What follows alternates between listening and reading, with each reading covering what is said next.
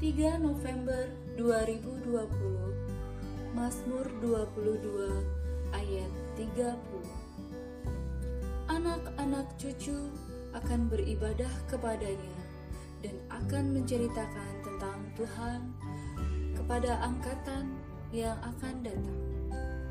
Saudara-saudari terkasih, masa pandemi ini mengajak kita umat beriman untuk tetap beribadah di rumah dan kelak ini pun akan menjadi cerita bagi anak cucu Anda.